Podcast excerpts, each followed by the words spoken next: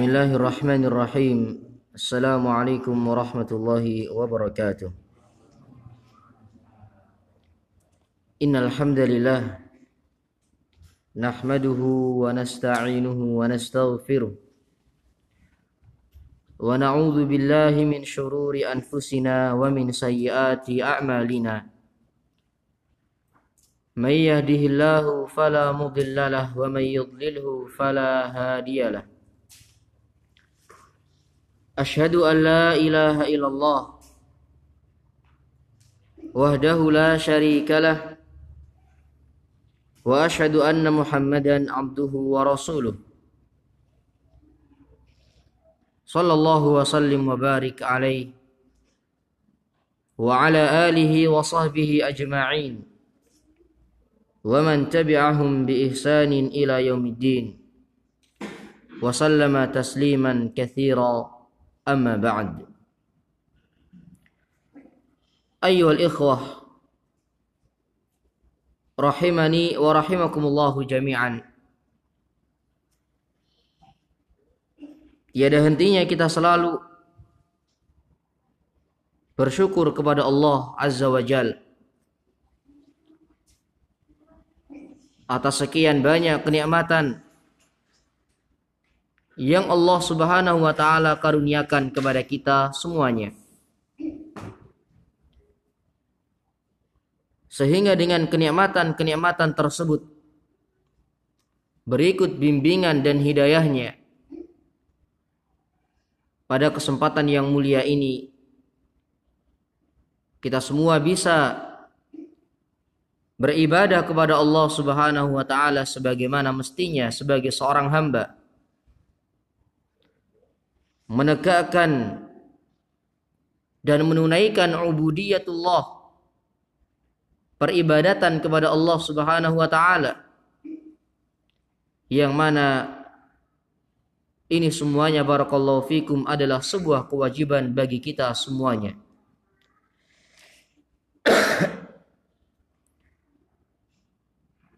Pada kesempatan yang mulia ini insyaallah taala kita akan melanjutkan pembahasan kita pada kitab Al-Usul Al-Thalathah. Tiga landasan pokok bagi setiap muslim yang dikarya oleh Syekh Muhammad bin Abdul Wahab An-Najdi At-Tamimi alaihi rahmatullah. Pada pembahasan-pembahasan yang telah berlalu telah dijelaskan dan telah diuraikan tentang beberapa poin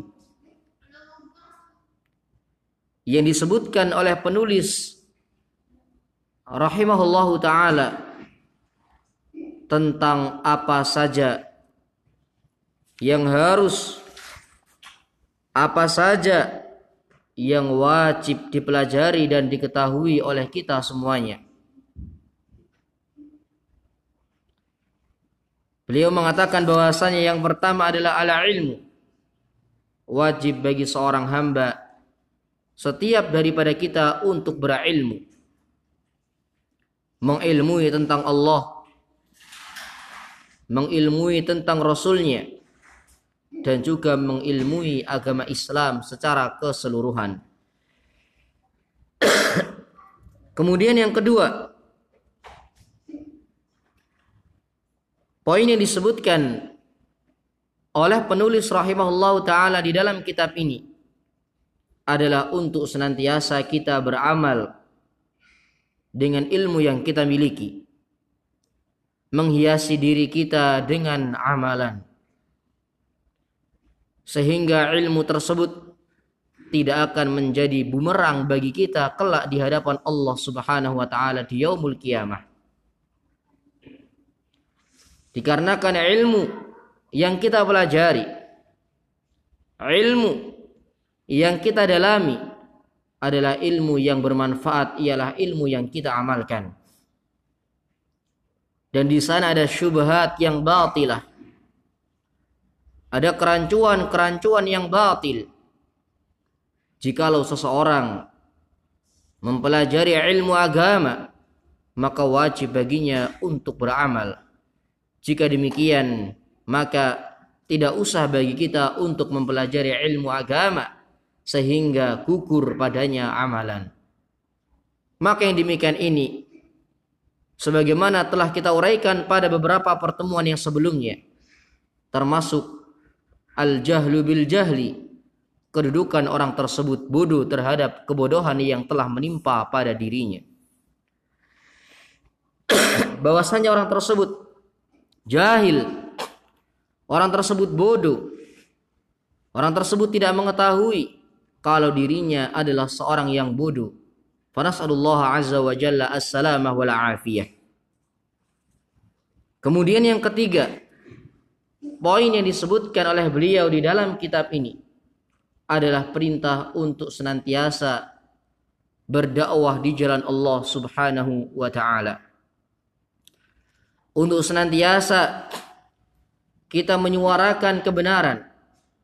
Untuk senantiasa mengajak manusia untuk menjalankan peribadatan kepada Allah. Dalam hal ini adalah sebuah prinsip amar bil ma'ruf wan nahyu anil munkar. Wajibnya bagi kita barakallahu fikum untuk senantiasa memerintahkan terhadap yang ma'ruf dan juga melarang dari berbagai macam kemungkaran. Sebagaimana Allah Subhanahu wa taala telah menjadikan umat ini yakni umat Muhammadiyah sebagai umat yang paling mulia dari seluruh umat manusia. Faktor dan sebabnya ialah dikarenakan mereka adalah umat yang senantiasa mengajak terhadap yang ma'ruf dan memerintahkan ataupun memperingatkan terhadap sesuatu yang mungkar. Kemudian poin yang keempat yang akan kita bahas barakallahu fikum yang disebutkan oleh beliau alaihi rahmatullah di dalam kitab yang mulia ini adalah berupa as-sabru 'alal adza fihi bersabar dalam menghadapi semua gangguan dan jenisnya. Bersabar dalam menghadapi semua gangguan-gangguan. Bersabar dalam menghadapi semua rintangan-rintangan manakala seorang hamba berpegang teguh di atas agamanya. Bersabar dalam menghadapi musibah, bersabar dalam menghadapi ujian Allah Subhanahu wa taala. Dengan ujian ini Allah Subhanahu wa taala membedakan mana di antara mereka yang benar-benar sungguh-sungguh di dalam keimanan dan mana di antara mereka yang tidak sungguh-sungguh dalam keimanan kepada Allah Subhanahu wa taala. Baik. Berkata penulis, "As-sabru 'ala al-adha bersabar dalam menghadapi semua gangguan dan rintangan dalam belajar. Bersabar dalam menghadapi rintangan dan gangguan dalam barakallahu fikum beramal. Belajar. Terdapat sekian banyak rintangan seorang talibul ilmi. Di sana syaitan barakallahu fikum membisiki padanya agar lari dari yang namanya majalisul ilmi, lari dari yang namanya majlis ilmi. Belum lagi di sana barakallahu fikum ada orang-orang yang mencela. Ada orang-orang yang menjauhi, orang-orang yang mengata-ngatakan dan lain sebagainya. Maka kita dituntut untuk bersabar dalam menghadapi yang demikian ini. Demikian pula sabar yang kita lakukan dalam mengamalkan amalan kita, dalam mengamalkan ketaatan kepada Allah, dalam mengamalkan ilmu yang telah kita pelajari. Karena di sana barakallahu fikum sering kali seorang hamba itu ditimpa yang namanya kemalasan dan kelalaian. Seringkali seorang hamba barakallahu fikum ditimpa yang namanya kelalaian, kemalasan untuk beribadah kepada Allah Subhanahu wa taala. Maka dia bersabar untuk senantiasa memompa dirinya. Bersabar untuk senantiasa memotivasi dirinya agar tatkala lalai dia segera ingat kepada Allah Subhanahu wa taala. Kemudian barakallahu fikum yang kau yang berikutnya adalah bersabar yang dia lakukan pula ketika berdakwah di jalan Allah Subhanahu wa taala. Di mana barakallahu fikum musuh-musuh Islam sangatlah banyak. Mereka tidak akan tinggal diam ketika melihat seorang dai yang berada di atas sunnah Rasulullah sallallahu alaihi wasallam. Bahkan mereka menjatuhkannya. Bahkan mereka barakallahu fikum memojokkan dai tersebut. Bahkan mereka mengatakan bahwasanya si fulan adalah kada wa kada, demikian dan demikian dengan berbagai macam tuduhan-tuduhan palsu dan celaan-celaan yang tidak pantas diberikan kepada mereka. Adalah sebuah hal yang biasa adalah Rasulullah sallallahu alaihi wasallam. Siapa yang tidak kenal Siapa yang tidak mengetahui bagaimana perjuangan Nabi kita Muhammad sallallahu alaihi wasallam dalam berdakwah di jalan Allah Subhanahu wa taala. Dikatakan oleh kaumnya in huwa illa syairun majnun. Bahwasannya dia adalah seorang yang gila. Bahwasannya ucapan-ucapannya adalah sahir. Nasallallahu azza wa jalla as-salama wal afiyah. Dikatakanlah sebagai seorang yang gila. Dikatakanlah sebagai seorang sahir karena beliau hidup di tengah-tengah bangsa Arab yang ketika itu berlawanan dengan syariat Islam. Khonifuddin azani wa azzakumullahu jami'an. Akan tetapi beliau tetap bersabar. Demikian pula bagaimana kisah tatkala Nabi kita Muhammad sallallahu alaihi wasallam beliau berdakwah ke kota Taif. Yang mana barakallahu fikum tatkala beliau berdakwah perjuangan yang sangat besar telah beliau lakukan ditolak, ditentang oleh orang-orang di daerah Taif. Bahkan sampai-sampai Rasulullah Shallallahu Alaihi Wasallam dilempari dengan batu yang sangat banyak. Sampai-sampai Rasulullah Shallallahu Alaihi Wasallam dilempari dengan batu yang sangat banyak sehingga terlukalah tubuh Nabi alaihi salatu wasallam. Akan tetapi tetap beliau bersabar dalam berdakwah di jalan Allah Subhanahu wa taala. Bahkan dengan musibah yang besar tersebut, beliau mendoakan orang-orang Taif dengan sebuah doanya. Aku berharap kepada Allah Subhanahu wa taala ayakhruja min aslabihim agar Allah Subhanahu wa taala mengeluarkan dari anak-anak keturunan mereka may ya'budullaha wa la yusyriku bihi syai'a orang-orang yang mereka beribadah kepada Allah dan tidak menyekutukan Allah Subhanahu wa taala dengan suatu apa pun. Lihatlah bagaimana perjuangan Rasulullah Shallallahu alaihi wasallam. Perjuangan beliau dalam berdakwah dicela. Barakallahu fikum dilukai dan lain sebagainya. Akan tetapi apakah beliau membalasnya dengan kejelekan yang serupa? Apakah menjadikan beliau barakallahu fikum kemudian mundur, putus asa daripada mengajak umat manusia kepada jalan kebenaran tidak itu semuanya tidak menjadikan Nabi kita Muhammad sallallahu alaihi wasallam putus asa beliau tetap berjuang di jalan Allah Subhanahu wa taala maka demikian pula kita barakallahu fikum hendaknya kita bersabar dalam menghadapi semua gangguan-gangguan yang tentunya pada hakikatnya gangguan tersebut adalah sebagai ujian, sebagai cobaan Allah Subhanahu wa taala. Apakah kita benar-benar baik prinsipnya? Apakah kita benar-benar kokoh keimanannya? Ataukah kita masih ragu-ragu, bimbang dan setengah dalam keimanannya kepada Allah Subhanahu wa taala? Betapa banyak Allah Subhanahu wa taala telah menguji umat-umat terdahulu dengan ujian yang sangat dahsyat. Allah Subhanahu wa taala menguji umat-umat terdahulu dengan ujian yang melebihi ujian yang Allah Subhanahu wa taala timpakan pada umat manusia pada zaman kita ini.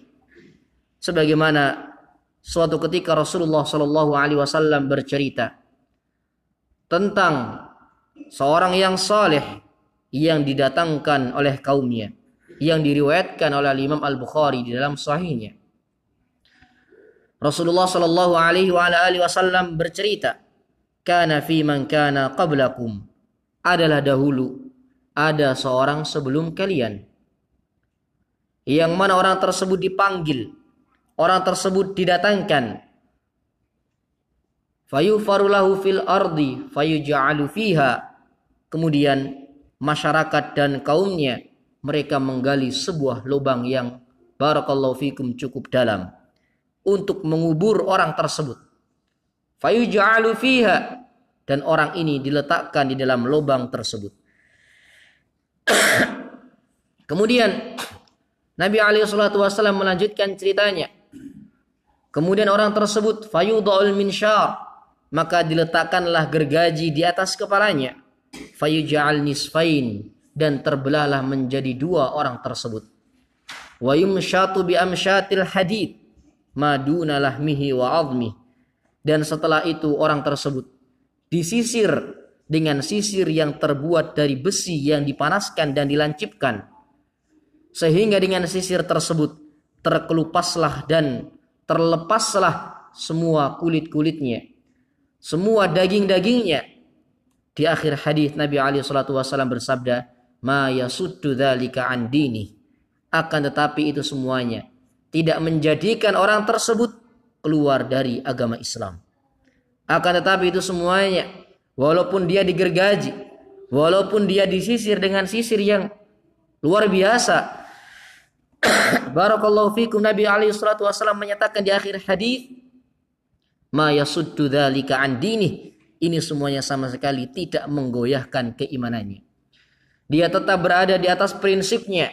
Dia tidak mau menjual hidayah yang telah Allah Subhanahu wa taala letakkan dalam hatinya. Dia tetap berada di atas agama Islam, tetap mentauhidkan Allah Subhanahu wa taala, tidak mau beribadah kepada selainnya Subhanahu wa taala. Demikian pula barakallahu fikum kisah yang masyhur yang diriwayatkan oleh Imam Muslim dalam sahihnya. Sebuah hadis yang datang dari sahabat Sa'id bin Malik bin Sinan radhiyallahu taala anhu arda. Sebuah cerita yang lumayan panjang yang disebutkan oleh Imam Muslim dalam sahihnya. Rasulullah Shallallahu alaihi wasallam juga beliau bercerita bahwasanya sebelum zaman para sahabat Nabi Ali Shallallahu Wasallam ada seorang yang disebut dengan Al-Ghulam. Siapakah Al-Ghulam ini? dia adalah seorang anak kecil.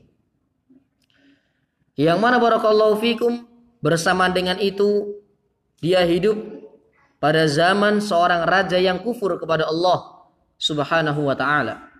Di mana raja ini memiliki seorang sahir, memiliki seorang penyihir yang sudah tua renta.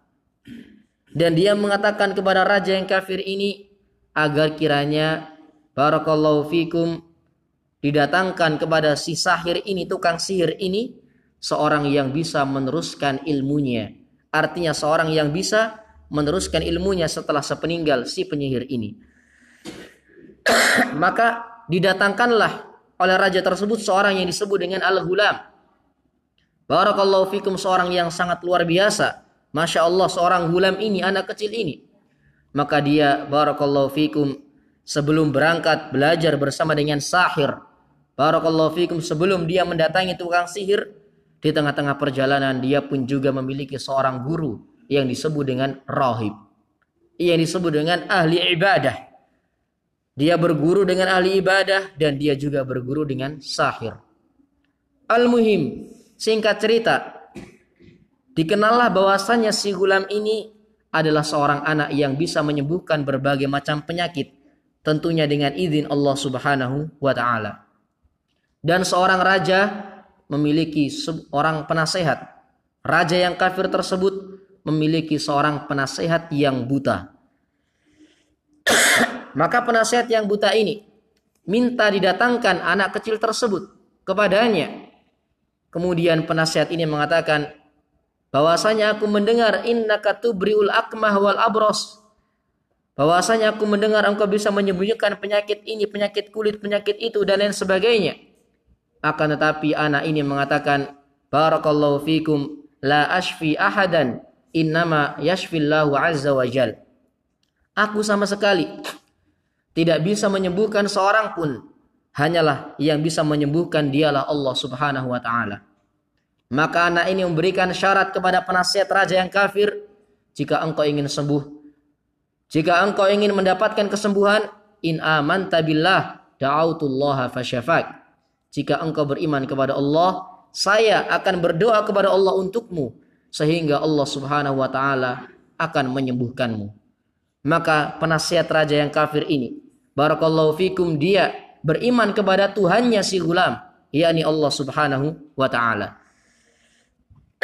Maka suatu ketika Barakallahu fikum penasihat raja yang kafir ini kembali duduk sebagaimana sedia kalanya berada di sisi raja yang kafir. Maka raja yang kafir ini mengatakan kepada penasehatnya, "Man radda 'alaika basarok." Wahai penasehatku, siapakah yang menyembuhkan penyakitmu? Maka penasihat raja yang tadinya dia kafir kemudian beriman dengan Tuhannya si gulam, dia mengatakan, "Robbi, dialah Robku." yakni Allah Subhanahu wa taala.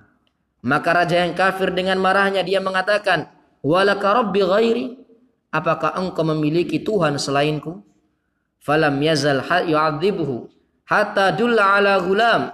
Maka senantiasa setelah itu raja yang kafir ini menyiksanya, menyiksa penasehatnya. senantiasa raja yang kafir ini barakallahu fikum mendolimi, mengintimidasi, menyiksa dengan siksaan yang luar biasa menyiksa penasihatnya. Sampai penasihatnya ini menunjukkan kepada seorang anak kecil. Yakni yang disebut dengan gulam tadi. Yang dia dikatakan bisa menyembuhkan berbagai macam penyakit. Akan tetapi tentunya dengan izin Allah subhanahu wa ta'ala. Demikian pula raja tersebut menyiksa anak ini. Karena tidak mau mengakui ketuhanan yang ada pada raja tersebut maka anak tersebut hulam ini senantiasa disiksa. Demikian pula penasehatnya senantiasa disiksa sampai hulam ini menunjukkan kepada seorang rohib. Sampai dia memberitahukan kepada seorang raja tersebut bahwasanya dia belajar ilmu dari seorang rohib. Maka didatangkanlah gurunya si gulam ini di hadapan raja. Dan dikatakanlah kepada gurunya gulam ini yang dikatakan sebagai rahib, ahli ibadah irji'an dinik keluarlah engkau dari agamamu. Keluarlah engkau dari keimananmu kepada Allah Subhanahu wa taala. Fa'aba sehingga gurunya si gulam ini dia pun enggan untuk keluar dari keimanannya kepada Allah Subhanahu wa taala. Fayudul minsharu fi mifraqi ra'syi fashaqqahu hatta waqa maka diletakkanlah gergaji yang sangat tajam dan panjang di atas kepalanya dan terbelahlah menjadi dua si rahib ini Kemudian kembali didatangkan penasihat raja tersebut yang setiap harinya selalu disiksa. Irji andinik, keluarlah engkau dari agamamu. Keluarlah engkau dari barakallahu fikum keimananmu. Fa'aba, demikian pula sama. Penasihat raja tersebut enggan untuk keluar dari keimanan. Maka diletakkanlah gergaji di atas kepalanya sehingga terbelahlah menjadi dua sebagaimana terbelahnya ahli ibadah. Tinggallah tersisa seorang gulam, seorang anak kecil barakallahu fikum, di mana beberapa ajudan raja tersebut memberikan masukan kepada raja bahwasanya bunuhlah anak tersebut dengan cara dibawa ke puncak gunung kemudian setelah sampai pada puncaknya fatrahu maka lemparkanlah dia sejauh-jauhnya maka raja pun mengiyakan usulannya dan dibawalah anak kecil ini barakallahu fikum ke puncak gunung sebelum sesampainya pasukan raja. Barakallahu fikum di puncak gunung anak kecil ini mengatakan kafanihimullahu taala Allah Subhanahu wa taala akan mencukupiku dari mereka semuanya. Faraja fabihimul jabalu maka tiba-tiba gunung yang besar tersebut guncang fasaqatu dan semua pasukan utusannya raja yang kafir ini mereka pun jatuh berguguran dari atas gunung. Tinggallah yang selamat adalah seorang gulam, anak kecil ini. Dan dia kembali lagi menemui raja. Maka raja tersebut mengatakan, apa yang telah engkau lakukan kepada pasukanku? Apa yang telah engkau lakukan kepada utusan-utusanku? Maka anak kecil ini mengatakan, sungguh Allah subhanahu wa ta'ala telah mencukupiku dari mereka semuanya. Allah sebagai pelindungku dari mereka semuanya. Maka terdapat usulan lagi bahwasanya bawalah anak tersebut ke tengah-tengah lautan. Apabila telah sampai ke tengah-tengah lautan samudra yang begitu dalam, maka tenggelamkanlah dan dibawalah anak tersebut menuju tengah samudra yang sangat dalam. Belum sesampainya di tengah samudra dan tengah lautan yang sangat dalam, barakallahu fikum tiba-tiba barakallahu fikum Allah Subhanahu wa taala membalikkan kapal mereka dan semua pasukan raja meninggal dunia tinggallah tersisa yang selamat si hulam ini maka anak kecil ini barakallahu fikum mereka kembali lagi ataupun dia kembali lagi menemui raja yang kafir dan kembali mengatakan Allah telah mencukupiku dari mereka semuanya. Kemudian anak kecil ini mengatakan kepada seorang raja yang kafir ini bahwasannya engkau tidak akan bisa membunuhku sampai engkau menuruti permintaanku. Apa permintaan anak kecil ini kepada seorang raja yang kafir? Ijma'in nas, yakni kumpulkanlah manusia pada padang yang sangat luas. Kumpulkanlah manusia pada halaman yang sangat luas. Kemudian, barakallahu fikum letakkanlah aku pada pohon. Kemudian lemparlah aku dengan anak panah sembari mengatakan bismillahirrabbilgulam dengan menyebut nama Allah Rabbnya Al-Ghulam. Maka barakallahu fikum Raja ini memenuhi seruan, memenuhi permintaan si gulam anak kecil ini. Sehingga raja tersebut mengumpulkan semua masyarakatnya. Mengumpulkan rakyatnya, mengumpulkan kaumnya dalam sebuah padang yang sangat luas. Barakallahu fikum untuk menyaksikan sebuah kejadian yang luar biasa. Untuk melihat sebuah kejadian yang luar biasa yang nanti akan terjadi. Maka seketika itu, Barakallahu fikum anak kecil tersebut sudah siap untuk dipanah oleh raja tersebut dan seorang raja mengambil panah barakallahu fikum dan memanah barakallahu fikum tepat pada pelipis dahi anak kecil tersebut sembari mengatakan bismillahirabbil gulam dengan menyebut nama Allah Rabbnya al-gulam maka barakallahu fikum al-gulam anak kecil ini pun meninggal dunia dan semua manusia yang menyaksikan kejadian ini barakallahu fikum mereka mengatakan amanna bi rabbil gulam. Kami semuanya beriman kepada Tuhannya anak kecil ini, Allah Subhanahu wa taala. Padahal mereka semuanya adalah orang yang kufur kepada Allah sebelumnya. Akan tetapi setelah melihat bagaimana kegigihannya anak kecil dalam berpegang teguh di atas agamanya, pengorbanan anak kecil tersebut dalam keimanannya kepada Allah Subhanahu wa taala, Allah Subhanahu wa taala membukakan hati-hati mereka sehingga mereka semuanya beriman kepada Allah Subhanahu wa taala. Maka penasehat raja yang lainnya yang masih kufur kepada Allah Subhanahu wa taala mengatakan bukan penasihat yang sudah dibunuh tadi bukan akan tapi penasihat yang lainnya kalau bahasa kitanya staf yang lainnya. Mengatakan wahai raja sesungguhnya perkara yang engkau khawatirkan telah terjadi. Manusia semuanya telah beriman terhadap robnya si anak kecil ini. Maka raja marah dengan kemarahan yang sangat luar biasa. Kemudian fa'umira bi afwahi sikaki fahuddat. Dan digalilah sebuah parit yang sangat dalam dan lebar panjang. Wa udrimu dan di dalam parit tersebut dikobarkan api yang sangat barakallahu fikum besar. Di dalam parit tersebut yang sangat panjang, yang sangat dalam dikobarkan dan dinyalakan api yang barakallahu fikum sangat luar biasa besarnya, menyala-nyala. Kemudian raja tersebut mengatakan bagi siapa saja yang beriman kepada Robnya si gulam, Robnya anak kecil ini, Tuhannya anak kecil ini, iktahimi, maka masuklah kalian ke dalamnya. maka barakallahu fikum tentunya mereka dengan izin Allah Subhanahu wa taala dan hidayahnya mereka masuk ke dalam kobaran api tersebut. Semua manusia yang beriman kepada Allah Subhanahu wa taala masuk ke dalam parit dan lubang tersebut Barakallahu fikum. Mengikuti perjuangannya si gulam anak kecil ini. Tinggallah tersisa giliran seorang ibu dan anaknya yang masih baru lahir. Atau anaknya yang masih menyusui. Yang mana seorang ibu ini fatakoasat antaqafiha. Seorang ibu ini tentunya dia seolah-olah putus asa untuk mau masuk ke dalam kobaran api. Karena kalau tidak masuk otomatis disiksa. Kalau masuk selesai sudah urusannya. Disiksa pun juga nanti akan sampai mati. Tinggallah barakallahu fikum seorang ibu yang menggendong anaknya. Dia putus asa apakah dia akan masuk ke dalam kubaran api tersebut ataukah tidak. Akan tetapi dengan izin Allah dan karunia-Nya, anak kecil yang belum bisa berbicara, anak kecil yang masih disusui oleh ibunya yang masih baru lahir tersebut. Mengatakan dengan gigihnya dan kuatnya ya ummah isbiri wahai ibuku masuklah ke dalam kobaran api dan bersabarlah. Fa innaki alal haq.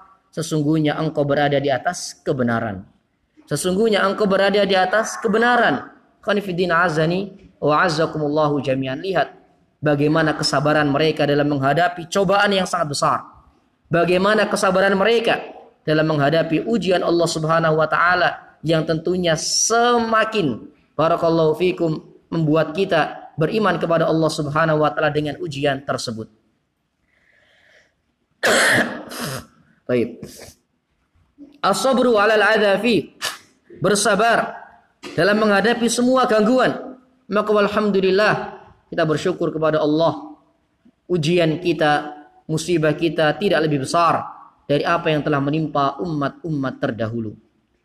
Maka tentunya barakallahu fikum hendaknya kita selalu bersyukur kepada Allah Subhanahu wa taala bahkan ketika Allah menguji kita bagaimanapun keadaannya kita selalu bersyukur kepada Allah Subhanahu wa taala.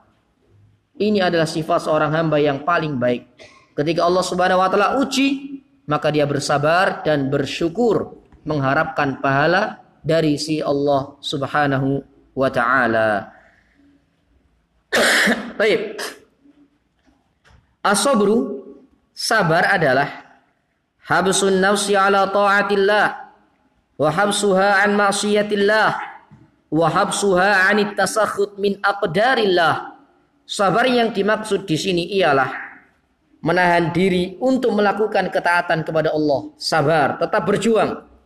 Menahan diri agar tidak terjerumus ke dalam kemaksiatan kepadanya Demikian pula menahan diri dari barakallahu fikum tidak terima terhadap ketetapan Allah Subhanahu wa taala. Baik. wa yakunu daiman nasyitan fi da'wati ila dinillah wa in udhiya dan hendaknya setiap muslim senantiasa bersungguh-sungguh bersemangat untuk menghiasi dirinya dengan kesabaran terlebih lagi dalam berdakwah di jalan Allah Subhanahu wa taala walaupun diganggu walaupun dimusuhi walaupun diasingkan. Islam adalah agama yang asing sebagaimana sedia kalanya sebagaimana Rasulullah Shallallahu alaihi wasallam telah bersabda wa in udhiya walaupun dia diganggu tetap bersabar jangan kemudian ketika kita diganggu kita mundur Jangan kemudian ketika kita diganggu barakallahu fikum kita putus asa, tidak. Ini di sinilah letak nilai keimanan kita barakallahu fikum.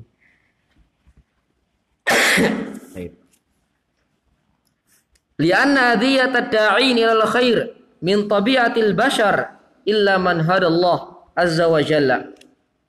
Karena barakallahu fikum gangguan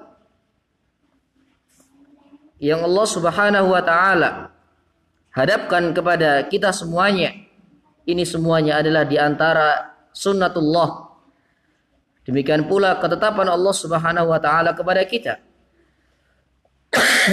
Baik. Insyaallah kita cukupkan sampai di sini. Agak kurang anu suaranya. Baik insyaallah akan kita lanjutkan pada pertemuan yang akan datang. Alafu minkum. Mohon maaf. Subhanakallahumma wa bihamdika asyhadu an la ilaha illa anta astaghfiruka wa atubu ilaik.